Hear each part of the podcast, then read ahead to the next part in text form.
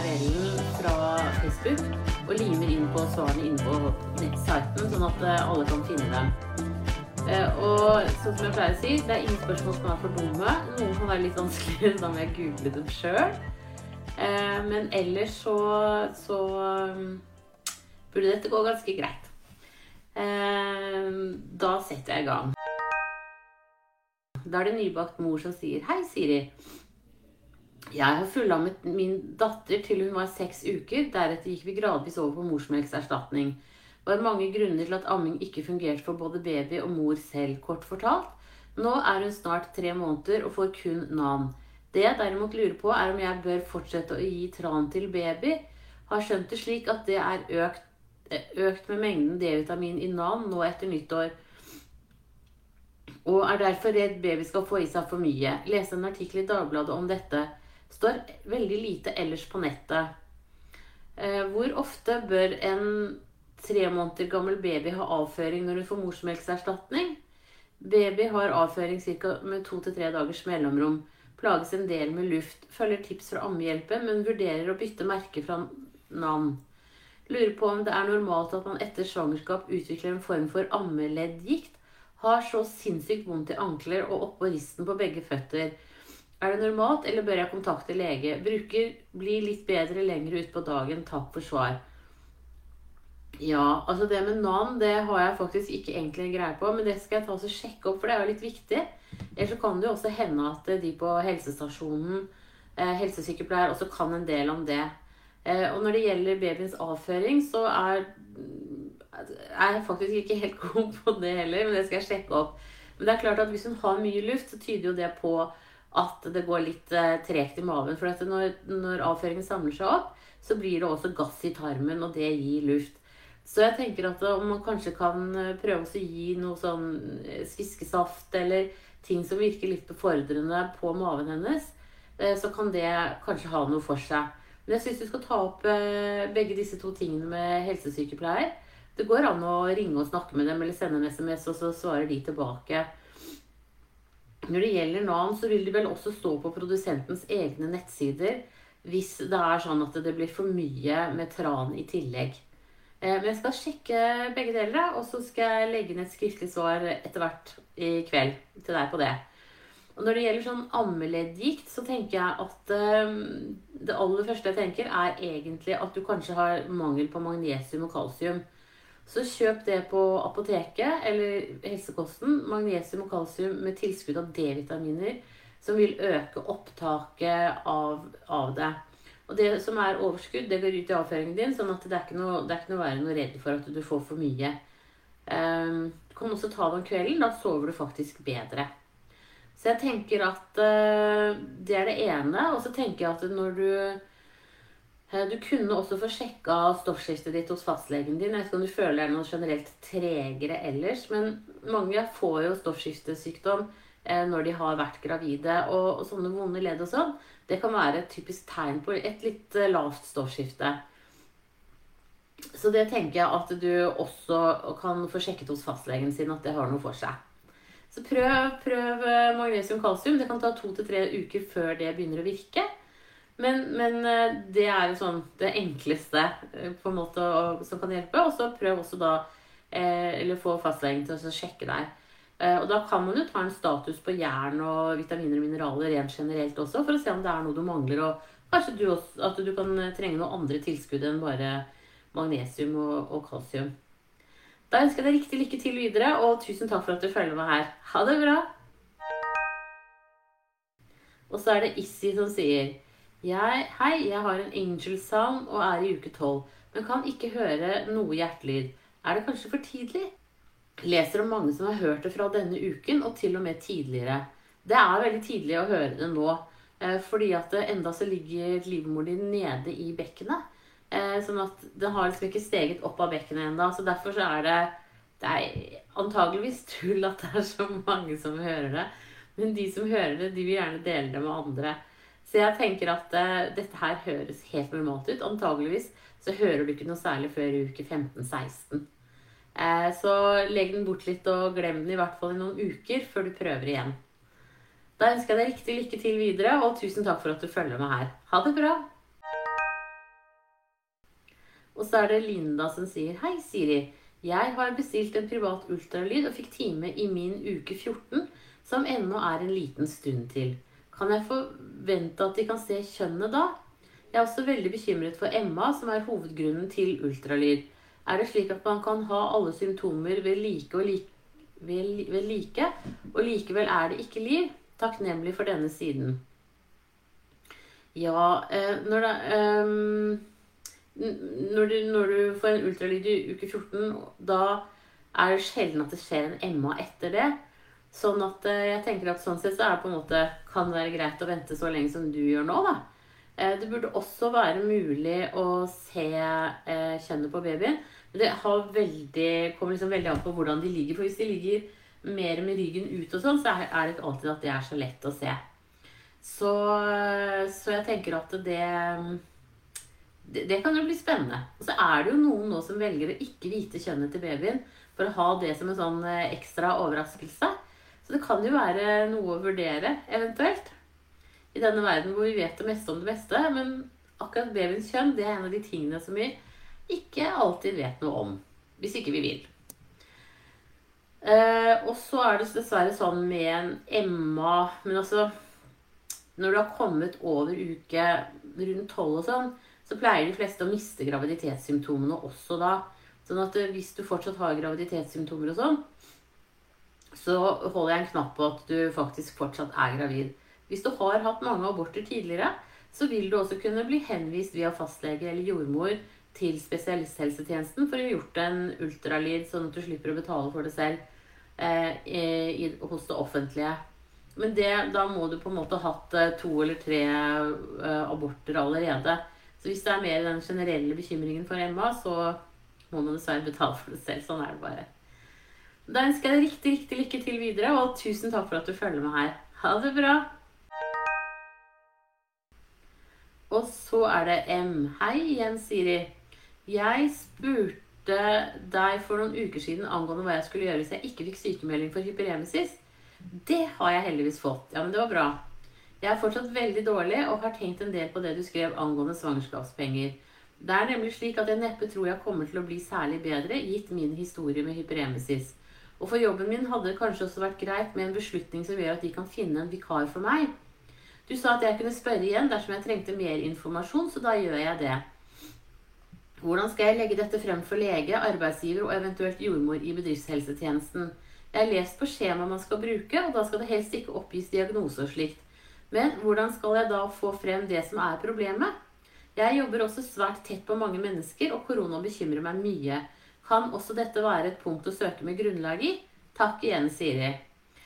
Eh, nei, korona er eh, plutselig ikke blitt et så veldig bra grunnlag lenger. Det var det en stund, men kanskje ikke så mye nå. Så det kan være litt mer. Men hyperemesis er en kjempegod grunn.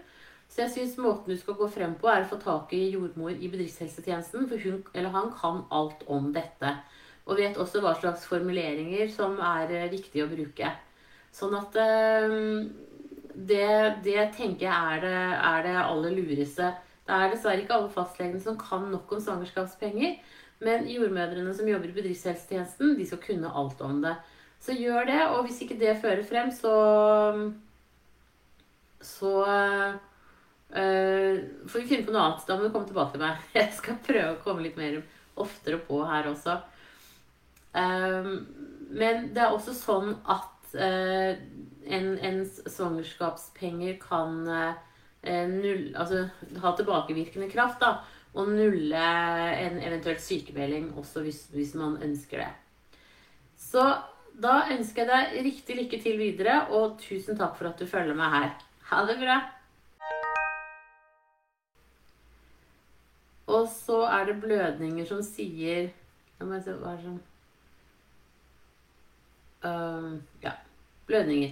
Hei, Siri. Jeg er gravid i uke 13 pluss 5, og jeg har hatt blødninger i en uke nå. Blødningene er ikke hele tiden, men det renner en del blod av og til mørkerødt. Jeg tok HCG-prøve for å se etter stigning hos fastlegen, men jeg klarte ikke å vente flere dager på svar, så jeg bestilte privat ultralyd. Alt var fint med fosteret, men jeg har en blodansamling i livmoren, hematom på 1,5 cm. Hvordan er dette for svangerskapet? Kommer det til å gå bra med fosteret? Hvor lenge er det normalt å blø? Er det vanlig å få hematom i graviditeten? Har det oppstått pga. livmoren min vokser? Med vennlig hilsen bekymret førstegangs. Det er ikke alltid så lett å vite hvorfor man får et hematom. Eh, det er sånn som faktisk bare skjer. Og min erfaring her fra nettet er at det går bra med de aller fleste. Eh, det at blodet er mørkerødt, er fordi det ikke er ferskt, på en måte. Så det, det, du kan si, er at det er en, en, en blødning som er, har sluttet, men hvor man liksom må få ut det gamle blodet. Og noen ganger så er det også sånn at eh, At det kan være en polypp som har blødd, eller et eller annet. Men nå er det jo inni livmoren, så da, da, er det vanskelig å si hvorfor det har skjedd.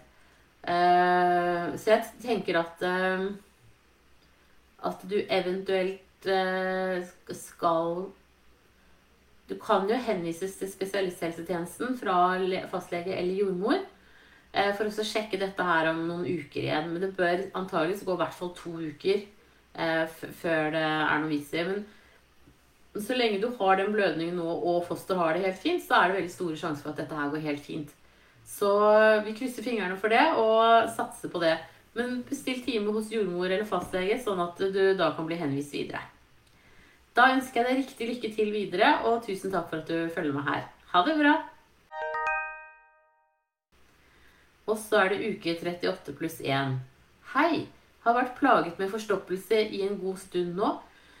Men plutselig fikk jeg diaré. Kan det bety fødsel i nærmeste fremtid? Er utrolig lei og vil bare bli ferdig med denne graviditeten. Er andregangsfødende og fikk min første i uke 38 pluss 4. Ja, Eh, ikke sant? Og det er jo sånn Man føder jo ikke likt, dessverre. Eh, så, så, sånn at når man har født litt før første gangen, så forventer man jo på en måte at det skal skje igjen. Og det behøver dessverre ikke å skje. Men eh, du kan si at eh, en sånn diaré, det kan være en eh, forstoppelsesdiaré, for så vidt. Men hvis du har økende kynnere nå, så er det et godt tegn. Og det er sånn at eh, livmoren Uh, urinblæra og tarmene de er styrt av sånn De tre er styrt av ikke viljestyrt muskulatur, og de påvirker hverandre. Sånn at hvis du får diaré, så er sjansen for at du får en god del sterke kynnere, også mye større. Sånn at uh, her tenker jeg at det, det, kan godt hende at dette er starten på fødselen din. Og det er jo mange som tømmer seg kraftig uh, i dagene før fødsel for at det skal det er kroppen som ordner opp, sånn at det skal liksom bli plass til babyen nedover i bekkenet. Og da må man tømme tarmen for å få mest mulig plass. Så dette her tenker jeg er et, eh, er et uh, godt tegn, selv om det kan være litt plagsomt. da. Så pass på at du får i deg nok væske nå når du har diaré, for da går ting mye fortere gjennom kroppen, og væskeopptaket kan bli litt dårligere. Og da kan man få litt hodepine og ja, føle seg litt uvel. Men uh, vi, vi, krysser fingrene for at dette er et godt tegn på at uh, fødsel ikke er så fryktelig langt unna, da. Men da ønsker jeg deg riktig, riktig lykke til videre, og tusen takk for at du følger meg her. Ha det bra. Og så er det Hei som sier Jeg har skrevet deg til deg før angående vaginalfødsel etter keisersnitt, og denne gangen ble det heldigvis vaginalfødsel. Så glad jeg fikk oppleve det. Fra 4 cm til ungen var ute, tok det bare to timer. Det var jo lynraskt, da. Første uken etter fødsel ble det en del som er normalt, og dette avtok gradvis. Men etter seks uker begynte jeg å blø rikelig igjen som en kraftig menstruasjon. Ingen feber eller mavemot, litt menssmøringer bare. Kan det være mensen alt? Selv om jeg fullammer, må sies at mensen var på plass ti uker etter forrige svangerskap. Da er det nok, eh, tenker jeg, mensen som har kommet tilbake denne gangen også. Så øh, mm, Det du er nok antakeligvis en veldig sånn fertil person, da. Som på en måte bare ordner opp såpass raskt etter fødsel og får igjen mensen og klar for nytt barn. Eh, selv om man kanskje ikke er det i hodet. Lurte også på når underlivet er tilbake til normalen. Gjør knipeøvelser daglig og kjenner jeg har kontakt med muskulaturen, men føler meg litt slapp og åpen i underlivet fortsatt syv uker etter fødsel. Sliter ikke med lekkasjer. Fikk et klipp og noen sting etter fødsel som jeg tror har grodd helt fint. Har du hørt om Elvi bekkenbunnstrener? Kan det være en bra investering for å se om han kniper riktig?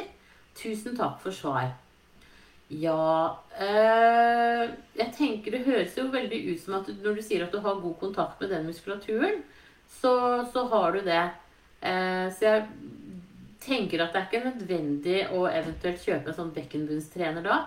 Det du kan gjøre, er at når du ligger i sengen, så kan du ha beina sånn opp, liksom sånn med knærne opp. Sånn at du har fotsålene i madrassen. Og så tar du fingrene rett på innersiden av uh, hoftekammen din. Sånn at du kjenner, uh, kjenner liksom sånn godt innafor der. Da skal du ta og knipe opp. Da kjenner man ikke nødvendigvis veldig mye. Men når du slipper, så skal liksom fingeren følge etter ned. Da kniper du riktig. Sånn at uh, bare ta liksom hånden på den ene siden.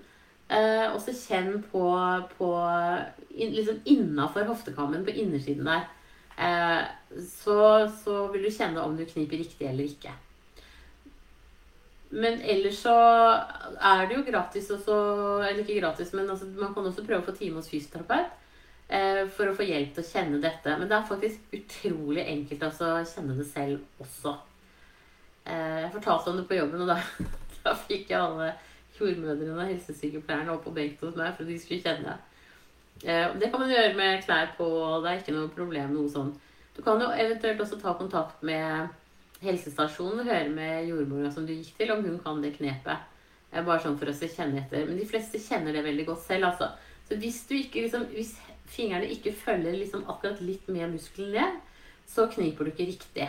Og Da kan det være vel verdt å få hjelp. Og da tenker jeg at da er en fysioterapeut veldig bra å gå til. Fordi at eh, de kan dette her. Og da betaler du en egenandel på rundt 230 kroner på de som har avtale. Og så går man der til, man kjenner, til du kjenner at du kniper riktig. Um, og nå trenger man ikke rekvisisjon fra fastlegen heller for å gå dit. Du kan bare ta kontakt med en som Ja, fint å finne en kanskje som i, er i nærheten av der hvor du bor, så blir det ikke så lang vei. Så prøv det også. Da ønsker jeg deg lykke til videre, og tusen takk for at du følger med her. Ha det bra! Så er det hei. Er det farlig å trekke inn magen i uke 16? Jeg føler at jeg trekker inn magen i forbindelse med knipeøvelser og er derfor redd for å gjøre disse øvelsene. Eh, det er ikke farlig å trekke inn maven, men hvis du trekker inn maven når du kniper, så kniper du ikke riktig. Eh, for da Da bruker du liksom magemuskulaturen, men det er bekkenbunnsmuskulaturen. Den under, liksom. Den som er vevet rundt i, på undersiden av bekkenet ditt. Det var litt vanskelig. Det er den, det er den holdemuskulaturen der som du skal trene opp. Så øh, det du kan gjøre, er å sitte på do og tisse, og så klemmer du av for strålen. Da kjenner du hvilke muskler det er du bruker. Og så er det ikke så lurt å gjøre det mange ganger når du sitter på do, for da kan du få litt sånn eh, urinretensjon i blæra. At du holder igjen litt urin i blæra. Det kan man lettere bli, få en infeksjon av. Men da når du har liksom identifisert de musklene, så kan du gjøre det selv. Og det er ofte greit å ligge i senga med fotsålene i eh, sengebunnen. Og så ligge der og knipe, og så gjøre ti om morgenen før du står opp, og ti om kvelden før du sovner. Eh, som en sånn god rutine. Og da trekker du liksom opp mens du teller sakte til fem, holder på fem, og så slipper du igjen på fem. For eksempel. Og ellers så ligger det også mange fine videoer ute på YouTube eh, om dette her. Da ønsker jeg deg riktig lykke til videre. Knip må man alltid gjøre, selv om man har født med keisersnitt. Riktig lykke til videre, og tusen takk for at du følger med her. Ha det bra! Og så er det gravid som sier Hei, jeg er gravid i uke 16 pluss 3 og ved en feil spiste upasteurisert yoghurt. Spiste kanskje 6-7 skjeer. Er redd for listeria-bakterien. Hvor, hvor stor sannsynlighet er det for at jeg er smittet av listeria-bakterier. Burde jeg teste meg for listeria? Nei, det burde du ikke. Og jeg tror på en måte Det er jo mye bakterier i den yoghurten, så jeg har ikke hørt at liksom, yoghurt er det mediumet som på en måte har mest listeria i seg. Så hvis det var en yoghurt som ikke hadde stått åpnet i tre uker og var rimelig innenfor eh, holdbarhetsdatoen, så burde dette gå helt fint. Jeg tenker at det er ikke noe stress stresse noe med. Eh, skulle du bli sånn forkjølelsesaktig sjuk og sånn, så kan du høre med fastlegen eller jordmor om de skal ta en test. Men ellers så tenker jeg at dette her går helt fint. Da ønsker jeg deg riktig lykke til videre, og tusen takk for at du følger med her. Og så er det uke 15 som sier Hei, jeg er litt bekymret etter legebesøk. Jeg er i uke 15, og legen skulle høre hjertelyd. Hun trykket veldig hardt på magen min. Det var vondt. Vi hørte hjertelyden veldig svakt, men den var på 200. Er det normalt, og kan legen ha skadet babyen inni magen siden hun presset så hardt ned på magen at det gjorde vondt? Det er eh, Jeg er helt enig med deg at det er litt høy hjertelyd, men det er innenfor normalen. Jeg kan tenke meg at det som skjedde, var at du ble ganske stressa av at hun holdt på sånn. Eh, det kan jeg skjønne, for det, skal jo ikke være Det skal jo ikke gjøre vondt eh, å, å, høre på hjertelyden. Så, så jeg tenker at her handler det om en kombinasjon av stress hos deg og eh, at babyen sikkert beveget seg ganske mye akkurat da. Som nok også var en av grunnene til at hun ikke fant hjertelyden så, så veldig fort. Og det er vanskelig å høre hjertelyden såpass tidlig som uke 15-16. Så jeg tenker at eh, mm, dette her høres normalt ut, og det går ikke an å skade babyen sånn. Heldigvis. Da ønsker jeg deg riktig lykke til videre, og tusen takk for at du følger med her. Ha det bra! Og så er det meg som sier hei. Jeg veit ikke om det egentlig er noe å si om dette, men jeg prøver likevel, for jeg blir litt sprø. Er 39 pluss 3 og har hatt veldig mye kynnere de siste seks ukene. Var også innlagt pga. premature rier. Heldigvis gikk det bra, men kynnerne har vært der siden. De siste dagene har de blitt sterkere og på kvelden kjennes det nesten ut som rier. I går kveld var de kraftige og ganske vonde og kom hvert kvarter, men så går de over igjen. Jeg blir ganske trøtt og sliten av det. Er det noe som helst jeg kan gjøre for at det skal roe seg, eller endre seg på noen måte, eller må jeg bare holde ut til fødselen? Føler at kroppen visner fordi jeg er så mye i ro, og at jeg samtidig blir så utrolig sliten av disse sammentrekningene. Kjenner bra med liv, og alle kontroller har vist at alt er bra. Takk for hva du enn har å si om dette. Ja, det viktigste er jo at babyen har det helt fint, og at, eh, at eh, kontrollene viser at alt er bra. Så er det klart at eh, når du liksom har hatt så mye kynnere såpass lenge, så blir man jo veldig sliten. Så det jeg tenker at du kan gjøre nå i kveld før du legger deg, det er å ta i hvert fall én Paracet, kanskje to, sånn at du får sovet godt noen timer eh, og får samlet deg litt. Egentlig kan du godt bare ta to Paracet. Hvis du har hatt veldig mye vondt lenge, så, så, trenger du antageligvis det. Så når du legger deg nå i kveld, så tar du to Paracet rett før du går til sengs. Og så virker de i løpet av en halvtimes tid. Og så greier du forhåpentligvis også å sove i hvert fall i noen timer. Sånn at du får henta deg inn. For det er klart at når du går og har vondt sånn hele tiden, så, så blir man sliten, altså. Um, og så tenker jeg også at det er vil være viktig for deg også passe på at du får god Altså at du får spist, og at du får krefter i kroppen, sånn at du kan orke å, å tenke på fødselen.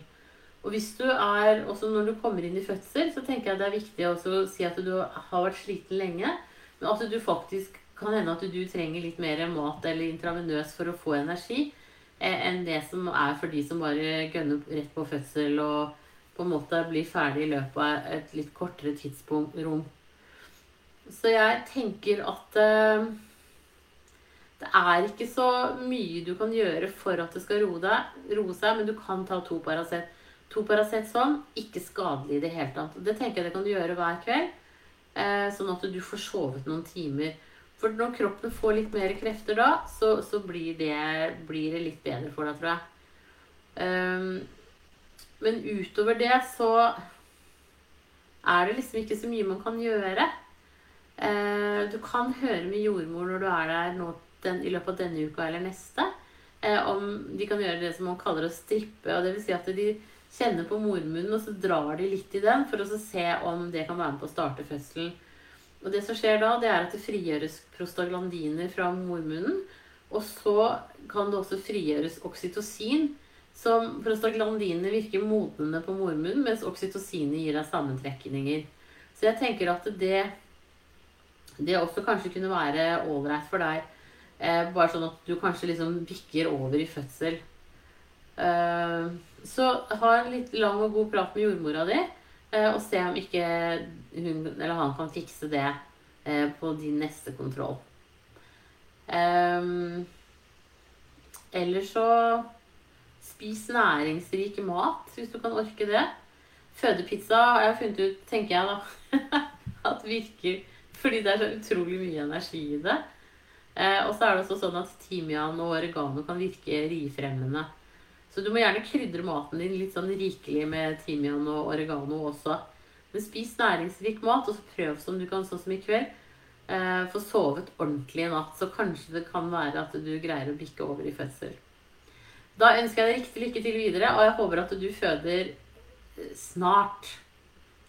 Da må du ha det bra. Og så er det Tanja som sier Unnskyld. Her er det allergi på gang. Eh, hei, jeg spiser ikke særlig hvit fisk eller salt med jod. Spiser daglig meieriprodukter, men ikke nok til å dekke opp hele behovet ifølge kalkulator på melk.no. På apoteket finnes kun tilskudd i 225 mikrogram. Er det trygt å ta? Er gravid i uke fem og har tatt tilskudd en god stund. Eh, nå husker ikke jeg eh, hvor mye jod man skal ha. Men det er klart at hvis du ikke får i deg nok, så kan det være lurt å ta det tilskuddet. Så mm, regn deg frem til altså Hvis det er en stor dose, så tar du det annenhver dag. Eh, hvis det er en liten dose, så tar du heller to tabletter.